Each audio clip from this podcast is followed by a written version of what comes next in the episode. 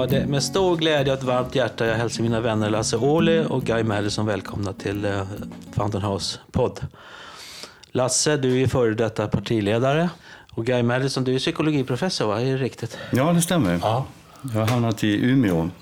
Ja, vi, vi börjar väl då eh, med att, eh, om jag ställer frågan vad är kultur? Vad, vad har ni för tankar om det? Vad, vad säger du Guy? Ja, för mig så är väl det allting som inte är natur eller ja, materia, så att säga. Det är sånt som hur vi eh, de eh, normala sätt vi har att umgås med varandra, exempelvis. Eh, kult, ja, just arkitektur, hur man utformar saker, böcker, varför de ser ut som de gör och musik naturligtvis. Allt det där. Men det är ett väldigt vitt, vitt begrepp för min del i alla fall. Är inte bara så, så att säga finkultur som de sköna konsterna. Vad säger du Lasse? För mig är det nog skapande.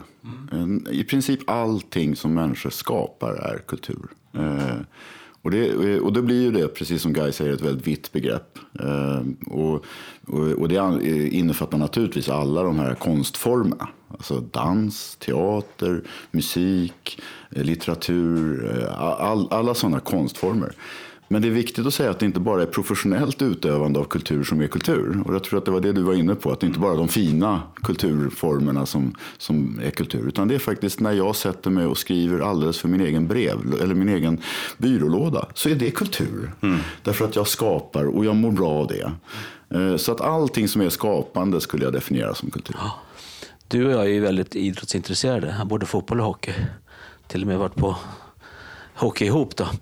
Finns det en idrottskultur att tala om? Kan man säga det? Att det finns? Jo, man kan också använda begreppet kultur för att översätta det eh, i olika eh, verksamheter. Men jag anser inte att idrott är kultur. Nej. Idrotten står alldeles på sina egna ben. Okej. Och jag tycker att den är jätteviktig. Ja. Och, jag, och jag är väldigt intresserad och jag är väldigt engagerad. Men jag räknar den inte som kultur. Mm. Eh, utan eh, eh, jag vill att kulturbegreppet ska, ska behållas för Mm. det som är skapande konster. Kan man säga. Men är idrotten nyttig då? Ibland kan jag känna att den här elitidrotten är lite på gränsen, att det är väldigt hårt, alltså det är mycket skador och sådär. Egentligen så är ju elitidrott inte särskilt nyttig. Och, och extrem idrott är aldrig nyttig. Men eh, den får oss nog också att röra på oss lite mer var till mans. Och på det sättet så kan den spela en väldigt nyttig funktion. Ja. Så att, eh, och att vi rör på oss mer, det är livsnödvändigt. Det är Ja, viktigt. Okej. Jag tänkte gå in på lite hur, om ni kunde kort berätta hur er uppväxt var. Liksom. Guy, du är född 1961 va? Det stämmer? Ja. Och, och du 1957 alltså, och jag 56. Vi växte väl upp i en ganska fascinerande tid, 60-talet, med, i alla fall med musiken och med Beatles och hela popvågen. kan jag tycka var fantastiskt. Vad säger du Guy, hade du en bra barndom? Ja, det tycker jag. Och eh, om den var fantastisk eh, den tiden så, så var det inte så lätt att upptäcka det. Man var ju mi- mitt i det där och det är ju bara man kan jämföra så man kan uttala sig om hur pass ovanligt det var. Men jag var ett, eh, en Stockholms eh, barn, Ja. växte upp i innerstan. På, först på Luntmakargatan och sen på Dövensgatan. Och du Lasse, din barndom, var den bra? Ja, det får jag säga. Jag, Eh, jag har två äldre systrar. Och som lillebror så blev jag väldigt påverkad av mina systrar när det gällde musik, och när det gällde kläder, när det gällde mode, när det gällde eh, massor med saker. Eh, och eftersom de var lite äldre så, så drog de ju med mig i sammanhang där jag var, alltid var yngst. Och, och då fick jag ju se saker och lära mig saker som jag inte hade gjort annars. Och den viktigaste kulturella erfarenheten från min barndom på 60-talet, det är nog trots allt Beatles. Okej. Eh, eh, eh, jag blev helt fanatisk. Eh, så att jag, jag tror fortfarande att jag kan nästan, jag kan i alla fall, så fort jag hör en låt så kan jag texten. Samma här Ja, faktiskt. jag, jag med. Det är helt, Det är otroligt var det sitter. helt fantastiskt. Eh, 65 till 66 så bodde vi i London. Vi var på Carnaby Street. Wow. Mina föräldrar köpte alla Beatles-skivor i, takten, i, i samma takt som de kom ut. Så vi hade det där hemma. Och en liten, eh, en väldigt enkel stereoanläggning. Men det var ju gan- ganska ovanligt då, så, man, så att vi kunde spela dem också. Ett band som betydde mycket för mig också var Hepstars. Vad, vad känner ni för dem? Ja, Svenne Hedlund. Ja, Ja.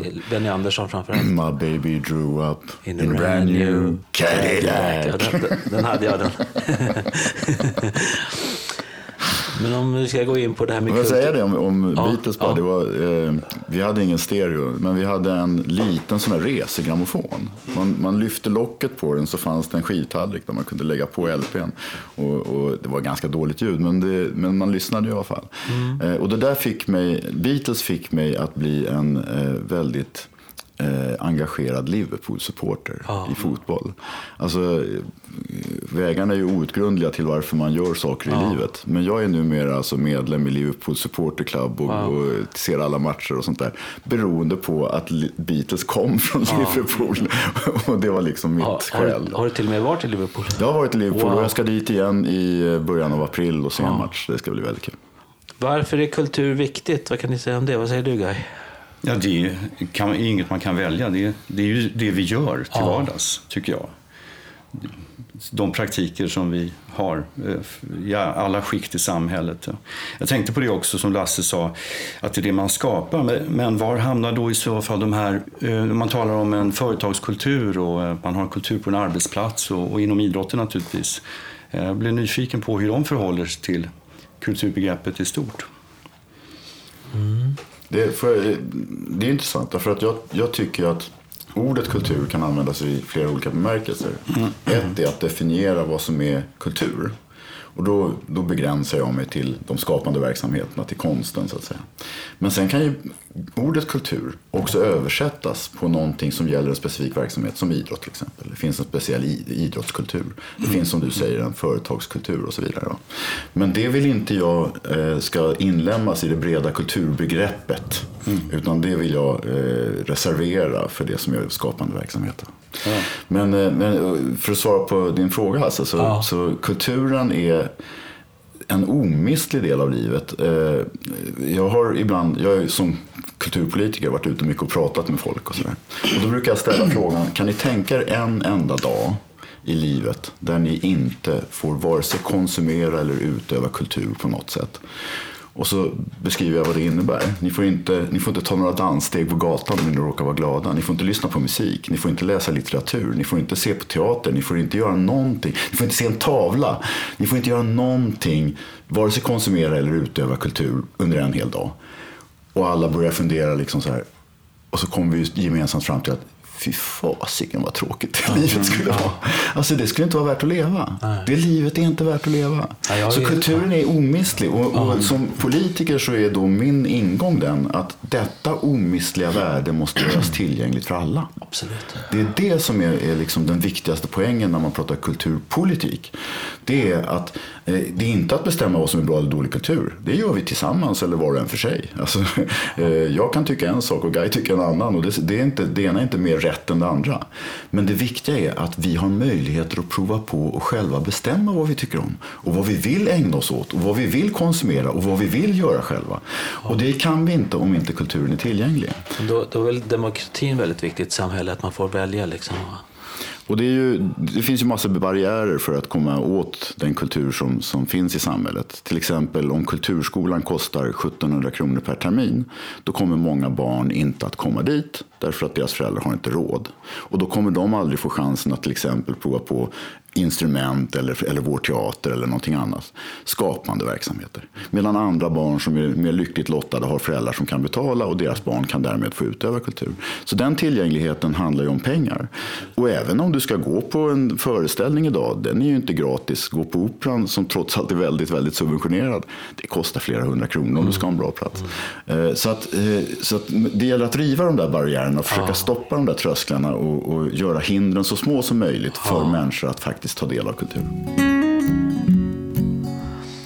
Jag tänkte komma in på en fråga som jag tycker är jätteviktig. Hur vi kan förebygga och bota psykisk ohälsa. Och det har ju skett en utveckling. Då. På 70-talet kom ju bland annat Arthur Janov primalterapin och sen så har det utvecklats objektrelationsterapin som går på djupet. Va? Det räcker inte bara med samtal. Liksom. Man kan inte bara prata, prata, prata även om det är okej om man känner sig ensam. Va? Man måste alltså lägga sig ner, känna, gråta ut sitt livs elände, få, få ur sig känslorna, liksom göra kopplingar hur eh, eh gamla trauman påverkar en i nuet. Och eh, vad, vad har ni för tankar om det? Vad säger du Guy? Ja, jag tänker att det är en, eh, en, eh, en effekt utav, alltså en kombination utav den man är som människa och den miljö man befinner sig i. Det är helt säkert så att en person som Eh, mår dåligt i en miljö skulle kunna fungera jättebra i en annan miljö.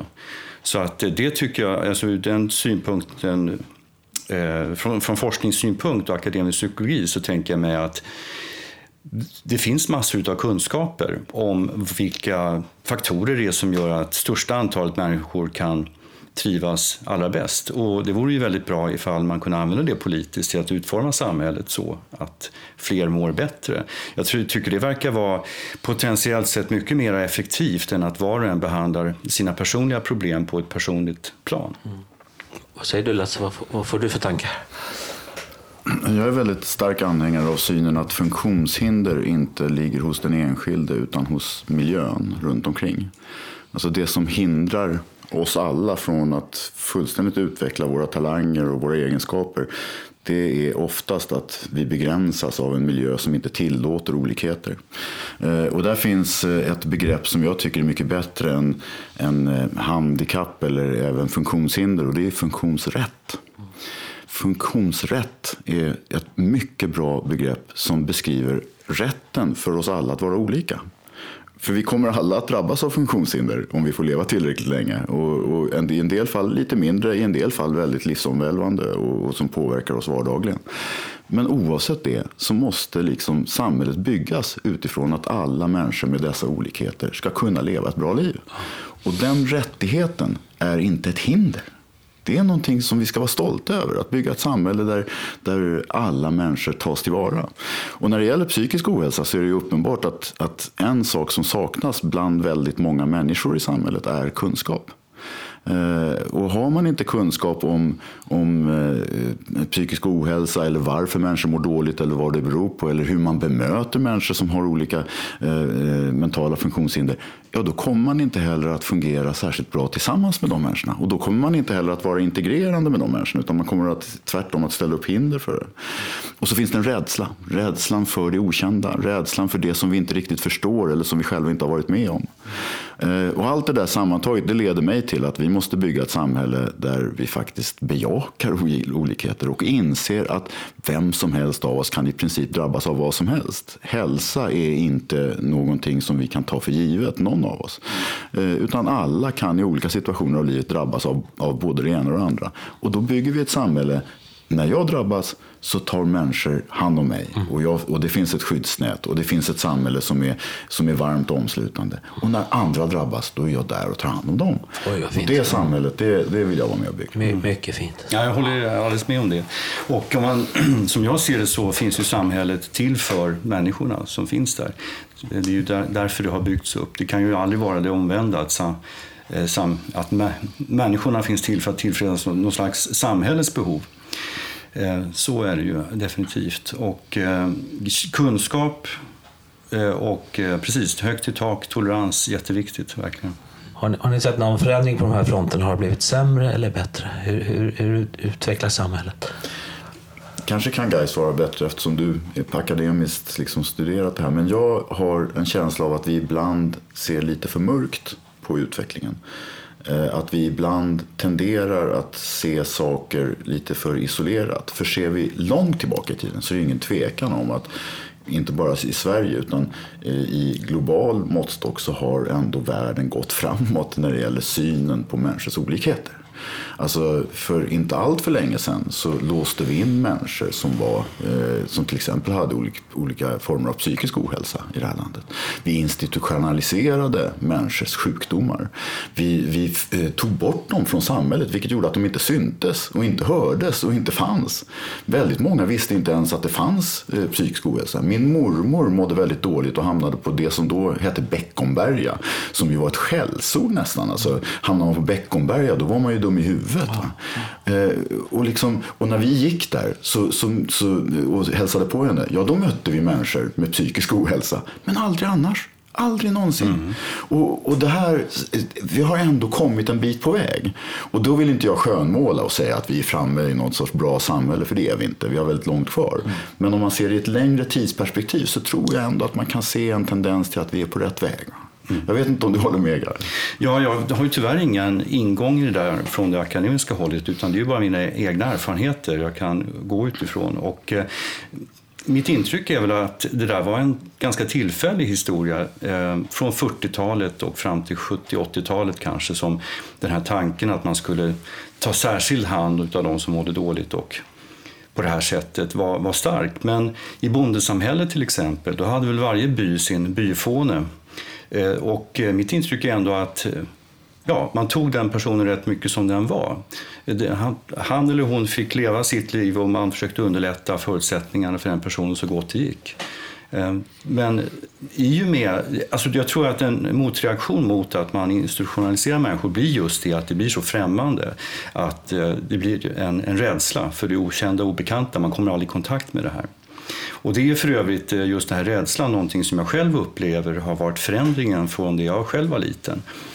Eh, det kan ju naturligtvis bero på att jag var yngre då och äldre nu, men det var ett ganska bekymmerslöst eh, samhälle. Man, var, man var, kunde säga vad man tyckte ganska fritt och diskutera det mesta. Nu tycker jag att vi har under de senaste decennierna blivit mycket, mycket räddare för åsikter och värderingar. Det är mycket mer inlindat och det tror jag inte är lyckosamt för det skapar en slags eh, neuros kan man säga, i alla fall på ett samhälleligt plan. Men i vilken omfattning kan en republik i Sverige göra nytta? Du och jag är anhängare av en republik. Istället för att, jag, tycker rent ut sagt alltså att monarkin är en borgerlig sagovärld som inte hör hemma i ett modernt samhälle.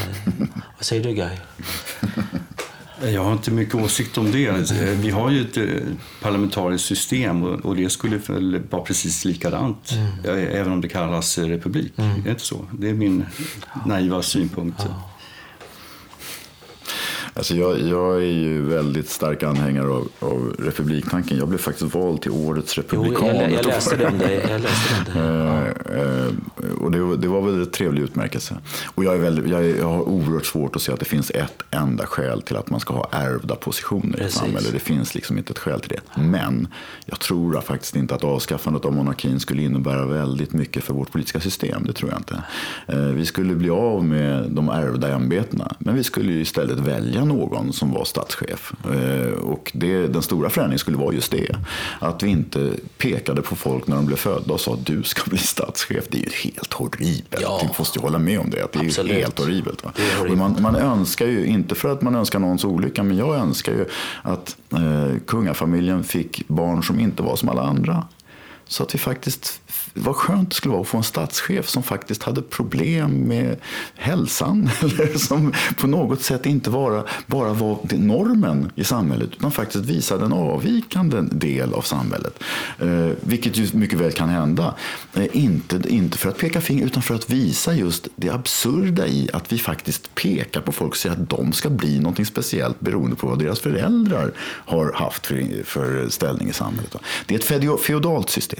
Mm. Och det, det, är, det finns inga försvar, inget försvar för det. Men Hasse, jag tror inte att den politiska dagordningen skulle ändras särskilt mycket i riksdag eller regering på grund av det. Men det finns ju en fördel med eh, folk som sitter länge i en position. Då kan man tänka sig att eh, de kan tänka mer långsiktigt, behöver inte tänka så kortsiktigt som politiker gör idag. Det är ju väldigt korta perioder det handlar om, två eller, fyra, två eller tre eller kanske fyra år.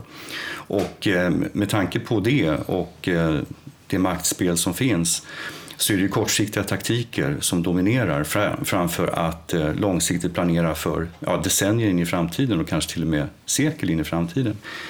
Där kan man ju säga att om man hade en kompetent, eller flera hellre, beslutsfattare som hade det perspektivet så skulle det kunna vara gynnsamt för samhället faktiskt. Men jag vet inte hur det skulle kunna realiseras. Alltså, Frankrike har ju lite längre mandatperioder för presidenter än de har för sitt mm. parlament. Alltså, presidenten sitter i sju år. Mm. Eh, och det är väl just med tanke med det. Mm. Att, att man ska ha någon som faktiskt har lite längre tid på sig att eh, därmed inte behöva hoppa på de senaste trenderna och, och tänka kortsiktigt.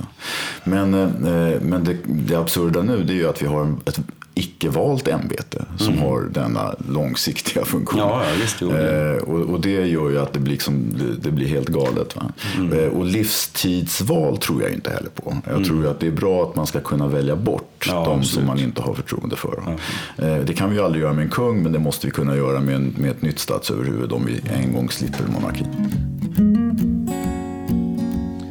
Jag komma in på det här. Jag har ju jobbat i Samhall i många år. Det är liksom en jättebra affärsidé då att människor med psykiska och fysiska funktionshinder ska få rimliga arbetsuppgifter. Men det är lika hårt för oss som för vilken annan arbets, arbetstagare som helst. Alltså det, så jag, för att klara mig har jag varit tvungen att sjukpensionera mig för att orka med. Va? Och det är helt andra möjligheter här på Fountain House att att förverkliga sig själv än Eh, på Samhall hade man trista städjobb och sådär så att man mådde jättedåligt och fick självmordstankar till och med. Liksom. Och de har ju i stort sett försvunnit för mig nu när jag, jag, jag har de här möjligheterna. Sen finns det dessutom vägar ut här så att man kan, kanske kan bryta, ja, ja, bryta den här sjukpensionen och komma ut i jobb igen. Jag vet inte om det är realistiskt för mig då, men det är i alla fall... Eh, Ja, jag ville bara beröra det här. Alltså jag, jag var ju lite engagerad i Samhall när jag satt i riksdagen. Eh, och precis som du säger, det är en fantastisk idé. Det, det, det är någonting som vi borde vara stolta över och utveckla. Istället så har vi gjort Samhall till ett företag vilket som helst. Som konkurrerar på samma lönsamhetsvillkor som vilka som helst. Och som därigenom också faktiskt utnyttjar människor i eh, produktion på ett sätt som, som inte skiljer sig från vilket privat företag som helst. Eh, så att från att ha varit en fantastisk idé så har Samhall idag blivit en, en organisation som inte spelar den positiva roll som den skulle kunna göra. Utan istället tvärtom har jag ganska många exempel på och, och egna vänner också som har berättat. Eh, tvärtom eh, sliter ut människor. Eh, och det var ju inte tanken. Tanken var ju att här skulle vi få en arbetsmarknad där människor trots sina olikheter och sina olika funktionsnedsättningar skulle kunna arbeta, tjäna pengar och få ett självständigt liv och ett värde. Och den stoltheten har försvunnit bland de flesta jag känner som jobbar inom Samhall idag. Och det är sorgligt, så vi borde verkligen reformera Samhall. Okej. Ja. Hur skapar vi ett friskt samhälle? Och då är det väl ganska lätt att säga att är, är, är människorna friska blir samhället friskt också. Liksom. Men nu är det inte så. Det, jag, jag tror tyvärr att må, många människor lider. Många har fysiska sjukdomar, psykiska sjukdomar. Neurosen är ganska utbredd tyvärr. Hur, hur tacklar vi det problemet? Vad säger du Guy? Alltså som samhället ser ut nu är, är ju inte resultatet av någon plan egentligen. Utan det är ju ett emergent fenomen, någonting som bara uppstår på grund av alla de saker som, som händer. Det, eh, jag tycker en, det ligger en visdom i den här frågan att varför gör du som, jag gör, som du gör? Så svarar man ärligt så säger man för att jag kan. Och det är väl väldigt generellt sett. Vi kör bilar för att vi kan. Vi jobbar med de saker därför att vi kan och underhåller oss med datorspel och så vidare. Men eh, vi har hamnat där vi har hamnat på grund av ekonomiska faktorer, tekniska faktorer men inte på grund av eh, någon slags eh, ambition att utforma den bästa tänkbara miljö för människor att leva i. Jag brukar diskutera med en kollega och då eh, ondgör jag mig ofta över att det är så lite intresse för de kunskaper som vi har i, inom psykologi. Och då tänker jag inte framförallt på terapin nödvändigtvis utan allmän psykologi. Alltså hur fungerar människor, kognition, eh, tankar, känslor, eh, personlighet och så vidare. Och han säger, är du dum i huvudet? säger han. Varför skulle de intressera sig för det? Ja, men de betalar ju oss för att ta reda på de här sakerna, säger jag då. Ja, han förstår inte riktigt logiken i det där, men jag har fortfarande inte förstått varför politiker är så ointresserade av akademisk kunskap kring de här sakerna. Vad säger du Lasse? Vad får du för tankar? Å ena sidan så är ju förebyggande arbete oerhört viktigt. Det vill säga förebygga de problem som skapar sjukdomar eller nedsättningar i hälsan på olika sätt. Eh, och där tror ju jag att jämlika samhällen är bättre än ojämlika samhällen. Jag tror att det är en grundläggande förutsättning för att fler människor ska, ska må bra.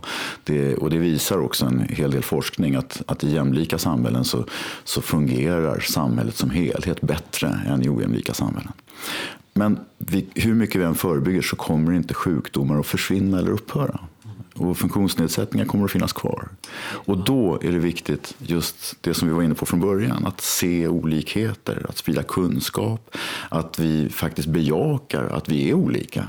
Att vi inte ser det som hot, utan faktiskt eh, inser att, att vi alla har våra egenheter. Eh, och, och i en del fall så kanske de påverkar våra liv större och mer än vad, vad det gör i andra fall. Men de är alla lika mycket värda. Absolut. Och det är någonting som jag eh, tycker att vi är på väg bort ifrån. Jag tycker vi, vi allt för ofta ser, eh, i, i, i, dagens samhälle så blir det en hårdare miljö för människor som, som inte ser ut som normen. Och det finns ett väldigt hårt tryck mot människor på sociala medier och i samhället i stort som jag menar vi måste göra upp med. Därför att det här kommer att sluta ta en ända med förskräckelse om vi tillåter mörka krafter att sätta dagordningen i framtiden. Ja. Hur ska man rent konkret eh, skapa bättre humana förutsättningar i samhället? Gaia, vad säger du? Jag vet inte, jag passar så länge. Ja, jag, ska fundera lite. Jag var inne lite grann på det. Eh, dels det här förebyggande arbetet. Att, att vi måste kanske satsa mer på att inse att eh, barn behöver bra uppväxtvillkor för att bli eh, glada vuxna och lyckliga vuxna.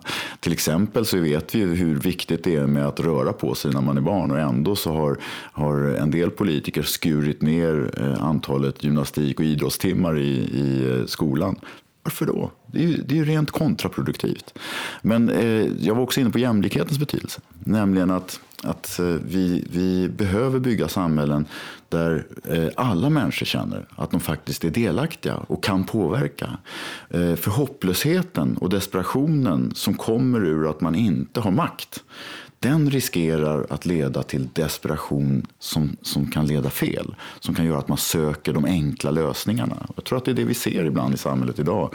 Eh, det finns människor som, som verkligen inte tjänar på, eh, på eh, rasism eller på, på förtryck eller någonting. Men som bejakar det därför att de själva känner att de är så maktlösa. Och har så lite att säga till om. Så jämlikhetens betydelse för ett samhälles utveckling tror inte jag man kan överskatta. Nu har jag tänkt till lite. Ja, det här med, med ja. 2017. Ja, ja, ja, ja.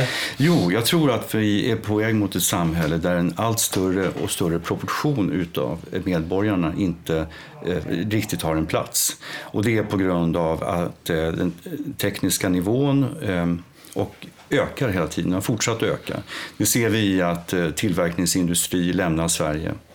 Där fanns det jättestora arbetsgivare för människor som kanske inte skulle kunna arbeta som programmerare eller liknande. Och när det då inte finns den typen av arbetstillfällen så är det ganska många människor som eh, upplever en stor eh, tröghet att hitta en bra plats i samhället. Och det är naturligtvis väldigt skadligt. Exakt hur man konkret skulle kunna lösa det är svårt att se. Ska man gå tillbaka i den tekniska utvecklingen? Det verkar ju inte realistiskt att göra det. Men eh, kanske har det att göra med att eh, när allting är så flyttbart i globaliseringens tider så går det snabbt och lätt att flytta ut eh, så att säga, enklare arbeten till låglöneländer. Det kanske inte är den bästa lösningen. Det kanske vore gynnsamt för ett land att ha en, eh, en variation i typen av arbetsuppgifter inom, inom landet så att fler kan få eh, känna att de verkligen gör nytta och har en uppgift att fylla. Man kan säga också att det finns sektorer som inte är lika lätta att flytta ut. Och en sån sektor är den stora tjänstesektorn som skapar produkten samtidigt som den konsumeras i princip. Mm. Alltså, eh, kultursektorn hör ju dit. Vi började ju med att prata om kultur. Och, och, och, du, kan inte liksom, du kan inte flytta ut eh, teatrar någon annan. Ja, det kan du göra, men då kommer du ju inte ha kvar publiken. alltså konsumenterna försvinner ifall produktionen försvinner så att säga. Så därför, hela kultursektorn är faktiskt en sån sektor som, som kan skapa jobb samtidigt som den skapar mervärde i form av upplevelser och skapande i samhället. Det är någonting som jag tror att man ska satsa på. Sen tror jag att vi tänker gammaldags när vi tänker att alla ska jobba åtta timmar om dagen, fem dagar i veckan. Alltså 40 timmars veckan är ett gammaldags påfund. Eh, jag tycker gott och väl att vi kan gå ner i arbetstid och att vi tillsammans kan eh, njuta lite mer av de frukter som den ökade produktionen ger. Eh, och det, det, de som njuter av det idag, det är bara de som blir jätterika på den här produktionen. Men vi alla skulle ju kunna faktiskt faktiskt njuta av lite mer fritid också. Och jag tror också det att, att eh, kulturen är så viktig för människor för att utvecklas och för att känna att man har en tillhörighet i samhället. Så att, så att eh, eh, med mer tid och med mer bättre jämlikhet och mer möjligheter för alla att vara en del av samhället så, så ökar också möjligheterna av att faktiskt både ta del av och att skapa själv den kultur som gör att livet blir mer värt att leva. Och det tror jag definitivt har en hälsobringande effekt på oss alla. Och inte minst på människor som idag kanske har svårt att se meningen med livet och som kanske har svårt att komma ur depressioner eller som kanske har svårt att se vad som, som eh, bör vara det viktigaste i livet. Eh, och, och, och, därför så tror jag att kultur och eh, jämlikhet tillsammans faktiskt kan skapa ett samhälle där fler mår bättre. Det tror jag. Men hur ska man göra då för att göra den här kulturen mer lättillgänglig och hur ska det bära sig, kulturen, i, i det här samhället? Det är en jättesvår fråga, mm. Eh, därför att den innefattar så otroligt många olika delar av kulturen. Men jag sa från början att tillgänglighet är nog det viktigaste ledordet för mig när det gäller kulturpolitik. Och då handlar det om både ekonomiska barriärer men också geografiska barriärer. Vi har tidigare haft någonting som heter Rikskonserter. Den lades ner. Och det var ju en institution som åkte runt i landet och, och spelade olika klassiska stycken, men ibland också jazz på ställen som vanligtvis inte hade någon eh, musikgrupp som skulle kunna framföra det. Va? Riksutställningar försvinner nu. Det går upp i, i Riksantikvarieämbetet. Också en fantastisk idé om att utställningar faktiskt är mobila och inte behöver ses på ett museum i Stockholm utan lika väl kan finnas i Norrlands inland. Eh, och det, och det här går ju åt fel håll. Vi behöver ju mer av tillgänglighet av kultur på det sättet att vi river de här barriärerna som finns mellan människor och kultur. Eh, och sen är det ju ekonomiskt. Det är ju så att eh, jag tycker att kulturskolan skulle vara gratis för alla barn. Alltså, inget, ingen unge skulle behöva avstå på grund av ekonomiska skäl från att lära sig spela ett instrument eller spela teater eller dansa eller vad man gör i kulturskolan. Eh, den glädjen att faktiskt få prova på. Sen kommer ju massor med ungar, precis som jag, och inse att nej men okej, jag kanske inte var så musikalisk då. Eh, men man har fått chansen att prova på. Och man lär sig i, i, i det att man själv eh, prövar och försöker. Så att tillgängligheten är både geografisk, ekonomisk och, eh, och också naturligtvis frågan om att vi ser till att kultur skapas. Kultur är inte gratis. Och därför så måste vi subventionera verksamheter. Eh, till exempel offentlig konst. Det är väldigt många konstnärer som skulle ha väldigt svårt att överleva om vi inte faktiskt avsatte pengar för att utsmycka till exempel vid nybyggnationer och sådär. Vi har en regel som säger att 1% av byggnadskostnaderna vid offentliga byggnationer ska gå till konstutsmyckningar. Den följs inte alltid och det är illa. Men när den följs så blir resultatet fantastiskt. Eh, och just Karolinska, eh, Nya Karolinska som ju är ett skandalbygge på många sätt och det, som kan ifrågasättas har faktiskt just på det området lyckats väldigt bra. Man har integrerat konsten i byggnaden från början. Och ungefär en procent av de totala kostnaderna har gått till konstutsmyckningar. Och så ska det vara. Konsten måste bli en del av vår vardag. Men jag tänker på fragment, fragmenteringen i alla fall. Att Sverige har ju ovanligt mycket kultur tillgängligt som bekostas med allmänna medel. Men samtidigt så är det relativt eh, få som utnyttjar detta. Hur många utav eh, ungdomar idag går på museer egentligen? Eh, annat än när de möjligen tvingas utav skolan. Jag har inget, inget svar på varför det har blivit så, men det tycks bli en fragmentering i mindre och flera olika grupper där man tycker att eh, kulturyttringarna i de andra grupperna är irrelevanta eller töntiga. Eller så. Det är ju slöseri med de resurser som vi satsar på det här. Och det här försöker man väl i viss mån att fånga upp genom att eh, stödja nya kulturområden som kanske rap, musik eller vad det nu kan vara för någonting. De senaste, ja det är inte den senaste kanske, men i alla fall subkulturer och fler och fler subkulturer men är det så lyckosamt egentligen? Blir, blir, det inte en ökad eh, som sagt, fragmentering där folk har svårare att finna en gemenskap i den, i den utvecklingen? Jag tror att all kultur befrämjar kultur. Jag tror att graffiti är jätteviktigt. Alltså, eh, barn och ungdomar som ägnar sig åt att måla och, och teckna det är, det är en fantastisk utveckling. Och att kunna göra det på offentlig plats och dessutom göra det vackrare många gånger i, i betonglika gråa miljöer, det är ju fantastiskt. Eh, eh, visst, jag är inte någon stor, själv någon stor konsument av, av hiphop och rap.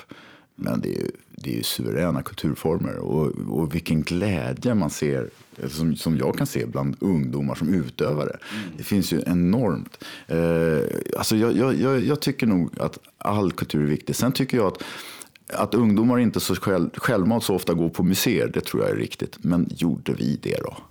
Mm. på 60-talet, 70-talet. Även där varierar det ju väldigt mycket. Ja. Olika familjer gjorde på men, olika men, sätt. Men man ska göra vad man kan för att öka mm. den här eh, tillgängligheten. Och då är ju ett beslut som faktiskt är väldigt bra som har fattats under den här senaste mandatperioden. Det är ju att avgiftsfria statliga museer.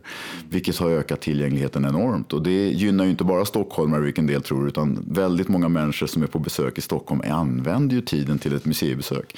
Jag tror att eh, eh flera museer har, har ökat besökssiffrorna siffrorna med mer än 50 procent tack vare den här avgiftsfriheten. Mm. Och det är ju faktiskt väldigt bra. Ja, det är nog bra. Men min poäng är inte alls att eh, eh, vissa typer av kultur skulle vara mer värdefull eller önskvärd än andra.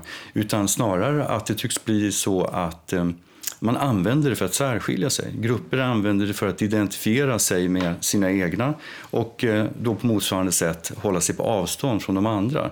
Det är det som eh, känns lite kontraproduktivt. Det skulle vara fint om vi kunde i alla fall vara överens om att eh, exempelvis vårt eget kulturarv är värt att ta del av, värt att begrunda. Exempelvis. Absolut. Sen kan vi skapa hur mycket nytt som helst. Mm. Jag håller med dig Guy. Alltså, jag är oerhört stark anhängare av att kulturarvet bevaras och också utvecklas.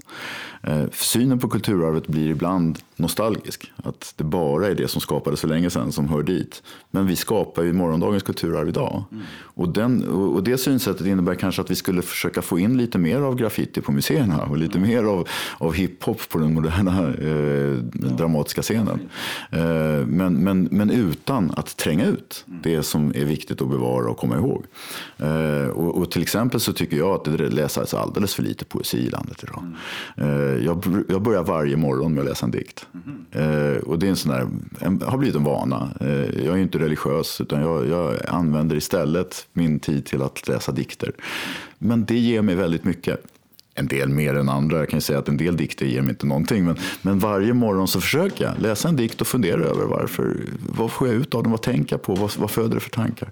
Eh, och det, det borde fler göra, ut, om jag får vara lite förmäten. Kanske inte nödvändigtvis läsa dikter, men åtminstone hitta rutiner för att få in kulturen i sin vardag. Och det tror jag är, är någonting som vi måste lära barn och ungdomar. Att, mm. att det, finns, det finns knep. Mm. Själva handlingen måste ju betyda någonting. Att du frivilligt och aktivt utsätter dig för någon annans tankar och mm. känslor på det sättet. Det är ju eh, en betydelsefull eh, avsiktsförklaring i sig själv, eller hur? Mm. Även om man inte förstår ett jota. Mm. mm.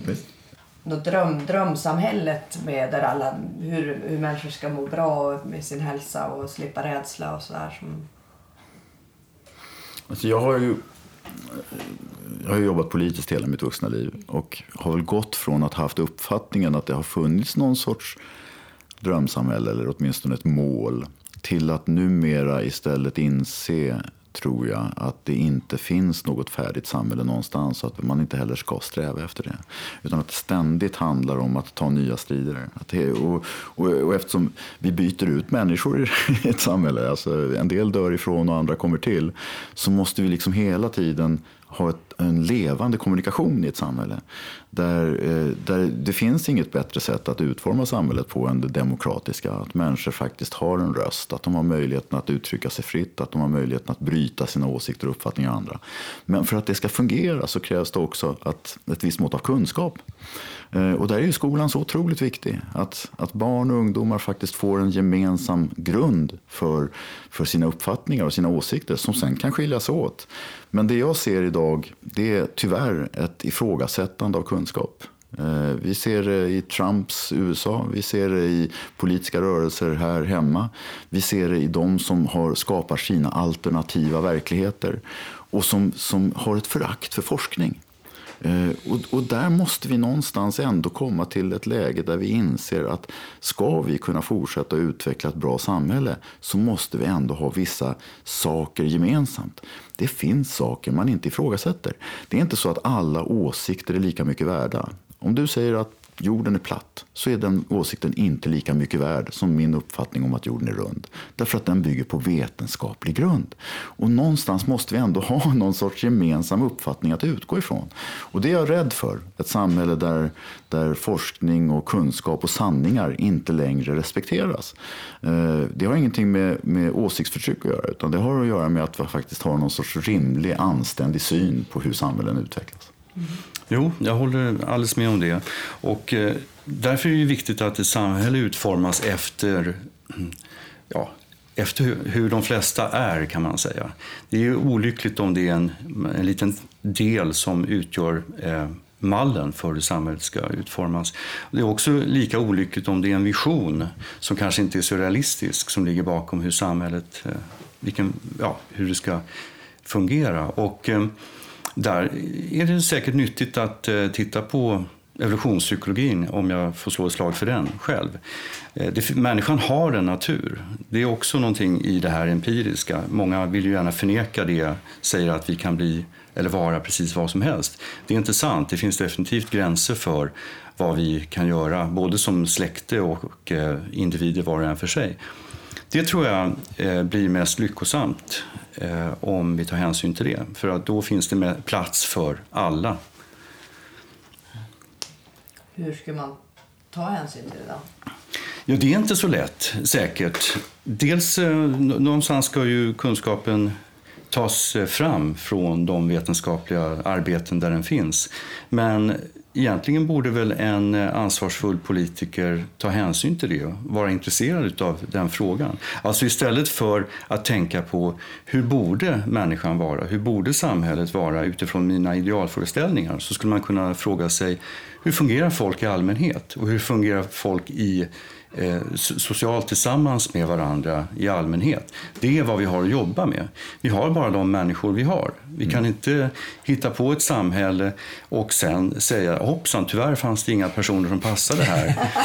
Men vi får försöka tvinga dem att bli sådana så att det funkar. Det är inte en framkomlig väg och det finns alldeles för många politiska ideologier som har gjort det misstaget. Vi är tillbaka till det du sa förut, nämligen att samhället är till för människorna och inte tvärtom. Ja. Och det, det, det är en bra eh, grund tycker jag att utgå ifrån. Att vi bygger ett samhälle för att, för att vi som människor ska kunna leva bra liv. Vi bygger inte ett samhälle som människor sen ska passa in i. Eh, det finns någon skämtteckning som jag såg där, där en eh, kvadrat skulle passas in i en triangelformad eh, eh, hål. Liksom. Och, eh, och slutsatsen skulle vara att ja, du får väl tryckas, tryckas in. Mm.